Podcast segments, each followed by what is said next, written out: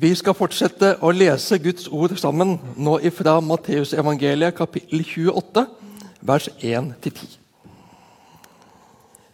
Da sabbaten var over og det begynte å lysne den første dagen i uken, kom Maria Magdalena og den andre Maria for å se til graven. Med ett ble det et kraftig jordskjelv, for en Herrens engel steg ned fra himmelen, gikk fram og rullet steinen til side og satte seg på den. Han var som et lyn å se til, og drakten var hvit som snø. Vaktene skalv av redsel da de så ham, og de ble liggende som døde. Men engelen tok til orde og sa til kvinnene.: Frykt ikke. Jeg vet at dere leter etter Jesus, den korsfestede. Han er ikke her. Han er stått opp, slik som han sa. Kom og se stedet hvor han lå. Skynd dere av sted og si til disiplene hans, han er stått opp fra de døde, og han går i forveien for dere til Galilea. Der skal dere få se ham. Nå har jeg sagt dere det. Da skyndte de seg bort fra graven, redde, men jublende glade, og de løp for å fortelle det til disiplene. Og se, Jesus kom mot dem og sa, 'Vær hilset.' De gikk fram, omfavnet føttene hans og tilba ham. Jesus sa til dem, 'Frykt ikke.' Gå og si til mine brødre at de skal dra til Galilea. Der skal de se meg. Slik lyder Herrens ord. Morgenen som snudde om på alt. Fortvilelse ble snudd til håp. Sorg ble forvandlet til fryd og glede og begeistring. Det som så ut som tidenes tap, var i virkeligheten en seier uten sidestykke i verdenshistorien. Det er ikke til å benekte at morgenfugler får oppleve noe som andre ikke får med seg. Så kan det selvfølgelig brukes motsatt vei også. Om natteliv og gode samtaler i sene nattetimer som de som tar tidlig kvelden, ikke får med seg. Ingen kan få med seg alt. Men dette er ikke begrenset til én bestemt mennesketype. Dette er for alle. Dette gjelder alle. Dette har enorme konsekvenser for alle mennesker og alle typer mennesker. Men det er flott å se at rang og prestisje har helt andre parametere i Guds rike enn der denne verdens fyrste rår. Maria Magdalena og den andre Maria er i grålysningen på vei til Jesu grav. Maria Magdalena. Det verserer mange historier om henne. Og mange av dem er ganske fantasifulle. La oss holde oss til det som vi vet. Hun hadde vært plaget av sju onde ånder. Det betyr at mørke makter herjet i livet hennes. Hun var plaget.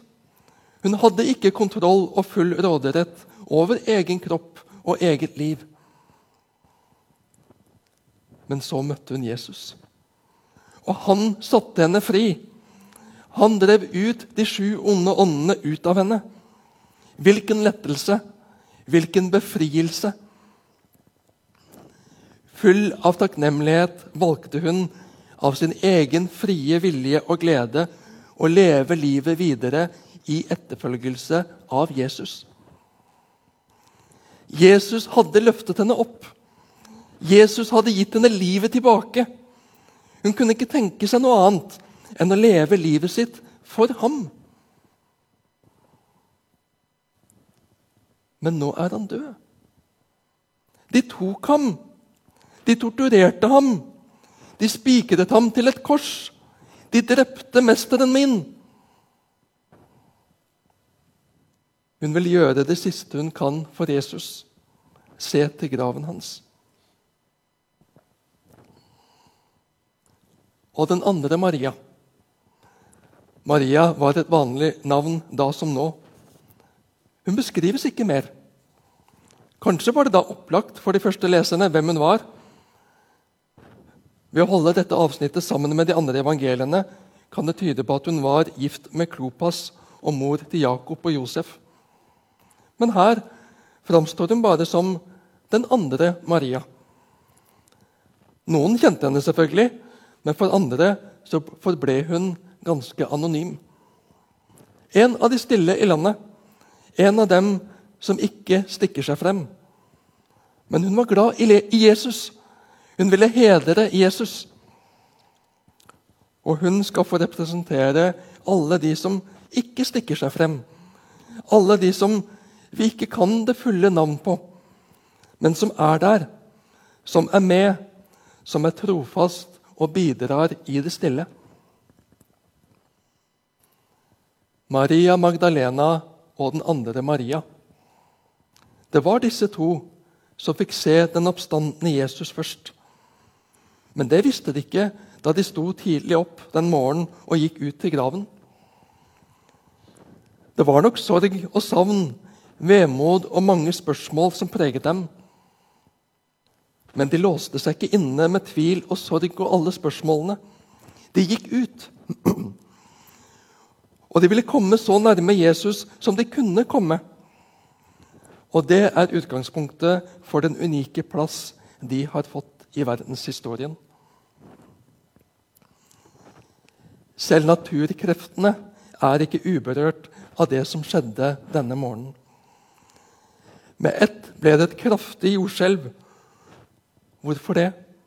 Jo, for en Herrens engel steg ned fra himmelen, gikk fram og rullet steinen til side og satte seg på den. Han som er herre over himmel og jord, ryster jorden når hans budbærer viser seg for et knippe mennesker. For å åpenbare for dem hva som faktisk har skjedd. En engel, en lysende engel, lysende hvit skikkelse. Han var som et lyn å se til, står det. Kvinnene ser denne engelen, og vaktene ser denne engelen og vaktene skjelver av redsel når de ser ham. Ja, det blir liggende som døde, lamslått. Dette er helt annerledes. Det som ikke var mulig, er mulig. Sånn er det når Gud selv griper inn. Vaktene er satt til å vokte graven, så ingen slipper inn. Her skal ingen slippe til å røve liket og lage ny oppstandelse og røre i byen. Historiens herre, den allmektige Gud, vår far, har allerede virkelig skapt oppstandelse. Derfor ble engelen sendt for å rulle steinen til side, så de skal få se nettopp det. Og engelen ikke bare handler, han forklarer og betrygger også. Han skjønner at dette er kraftig kost, og langt utover hva de forventet skulle skje denne morgenen.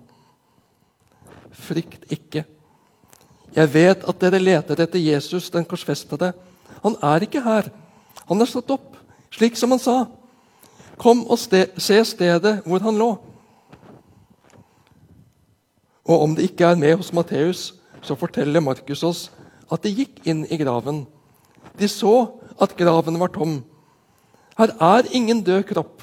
Her er ingen død Jesus. Han er stått opp. Han har blitt vekket opp, kan det oversettes med. Gud far har vekket sønnen opp av døden, opp av graven. Han er ikke død. Jesus lever, slik som han sa. Jesus hadde jo forutsagt sin lidelse, død og oppstandelse tre ganger. Det kom ikke overraskende på Jesus.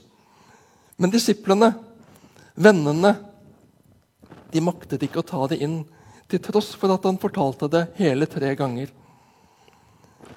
Derfor er de utmattet og tynget av sorg når Jesus dør på en så smertefull og fornedrende måte. Det var jo ikke sånn det skulle være. Nei, og det skal ikke forbli sånn. Men dette må til for å sone synden. for å beseire døden, djevelen og alt det onde. Men engelen sa mer. Skynd dere av sted og si til disiplene hans, han er stått opp fra de døde, og han går i forveien for dere til Galilea. Der skal dere få se ham.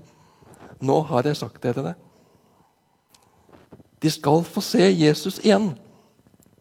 De skal få møte Jesus igjen, lys levende. Kvinnene kom til graven for den siste avskjed, men sorg og avskjed har blitt til glede, forundring og et forestående gjensyn. Jeg tipper at de ikke har forstått alt. Dette har ikke gått helt opp for dem. Men de gjør det som engelen ga dem beskjed om. De skyndte seg bort fra graven, redde, men jublende glade, og de løp for å fortelle det til disiplene. Det er ikke rart at de er redde. Det er ikke hverdagskost å møte en engel. Jordskjelv hadde de kanskje opplevd før, men uansett det er rystende. Lamslåtte soldater som de nok hadde vært bekymret for hvordan ville møte dem. De hadde nok ulike erfaringer med slikt. For ikke å snakke om engelens budskap og den tomme grav. Jesus lever. Redde, men jublende glade. Men før de kommer særlig langt, så skjer det enda mer. Og se, Jesus kom mot dem og sa, 'Vær hilset'. Hei! Vær hilset var en vanlig hilsemåte der på den tida. Hadde det skjedd i 2021 i Kristiansand, så hadde vel Jesus sagt 'ja vel'. Eller kanskje ikke. Uansett, det står at damene de gikk fram og omfavnet føttene hans og tilba ham. Ikke et klapp på skuldra eller en klem. Heller ikke 'Dette er jo fantastisk, Jesus!' De kastet seg ned, omfavnet føttene hans og tilba ham. Du er Gud. Du er Messias. Du er Herren, Frelseren. Du er alfa og omega, begynnelsen og enden. Du er mester. Du er Herre. Du er Gud. De har ikke bare sett den tomme grav. De har ikke bare hørt engelens budskap om at Jesus er oppreist fra de døde. De har møtt Jesus, lys levende, og de tilber ham. Han som er herre over himmel og jord. Han som er herre over liv og død.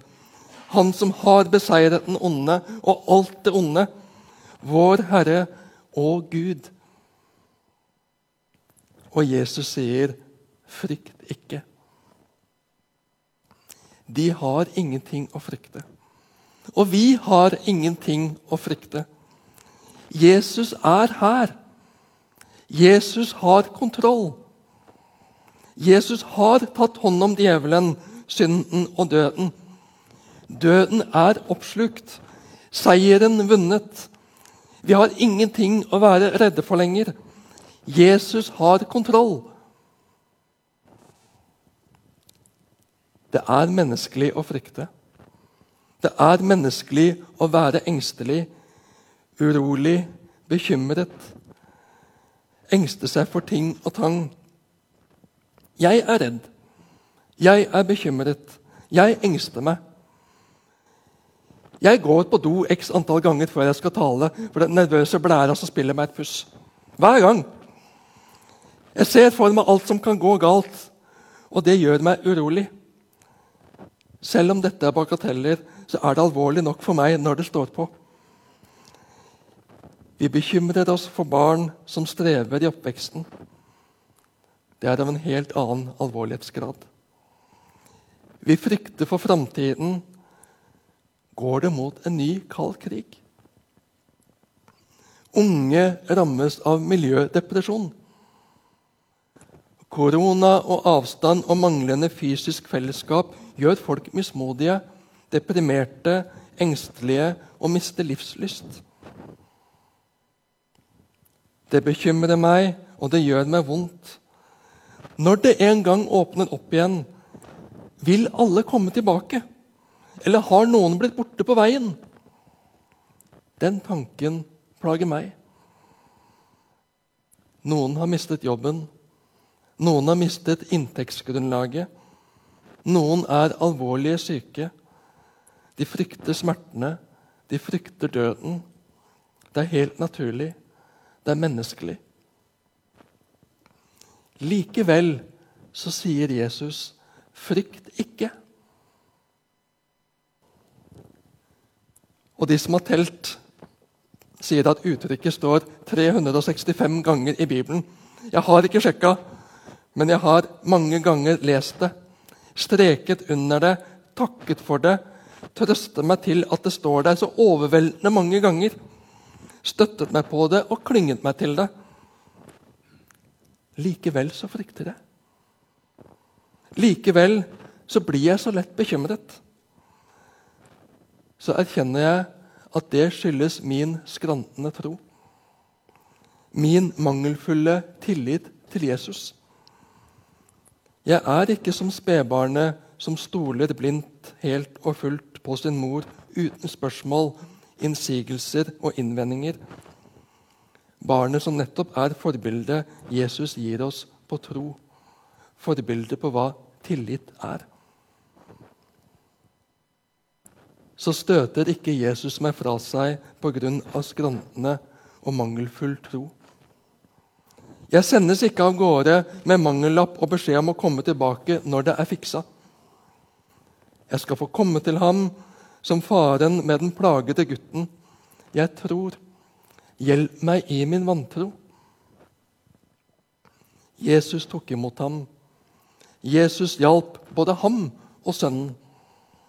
Jesus tar imot alle som kommer til ham, igjen og igjen og igjen. Manglene er fortsatt mange hos meg. Troen er fortsatt skjør og skrantende. Men han jeg tror på, er verken skjør eller skrantende eller mangelfull. Han var villig til å gå gjennom tortur, spott, lidelse, utholdelige smerter, gjennom pisking og korsfestelse. Han var villig til å gå gjennom død og grav av kjærlighet til deg og meg. Og han beseiret døden. Han har kontroll, tross alt. Jeg har fortsatt ikke kontroll, og det kan utfordre meg noe innmari. For jeg vil helst ha kontroll. Jeg vil helst ha makten selv, kontrollen selv. I den forstand være Gud selv. Det er vårt største problem. Men Jesus har tatt seg av det. Han har sonet for det. Han har gjort opp for det. Han har overvunnet alt det onde. Han er min Gud. Ikke at jeg har ham i lomma for å få igjennom det som jeg ville måtte ønske og begjære. Han er ikke en Pokémon som jeg har i lomma, som jeg kan kaste ut, kontrollere, og som vinner kamper for meg etter mitt ønske. Han er virkelig Gud. Og jeg er hans barn som skal la meg få lede av ham. Beskyttes av ham. Tas hånd om av ham og få gå hans ærend. Tross alle mine feil og mangler og skrantende tro. Jeg kan vokse i tro gjennom livet med ham. Og noen får en spesiell trosgave, og andre får andre nådegaver. Men så lenge vi lever her på jord, blir vi aldri fullkomne. Heller ikke vår tro. Men det er ikke noe problem. For det er ikke vår tro som er avgjørende, men Han som vi tror på. Vi får tilhøre ham, og vi får til og med den ære å få tjene ham. Herren over himmel og jord, Herren over liv og død, som selv har seiret over døden, overvunnet det onde, han får vi leve med og for. Det finnes ikke noe mer ærefullt enn det. Gå og si til mine brødre at de skal dra til Galilea. Der skal de se meg. Gå nå og fortell dette. Si det til brødrene mine. Disiplene var ikke ansatte. De var ikke tjenere.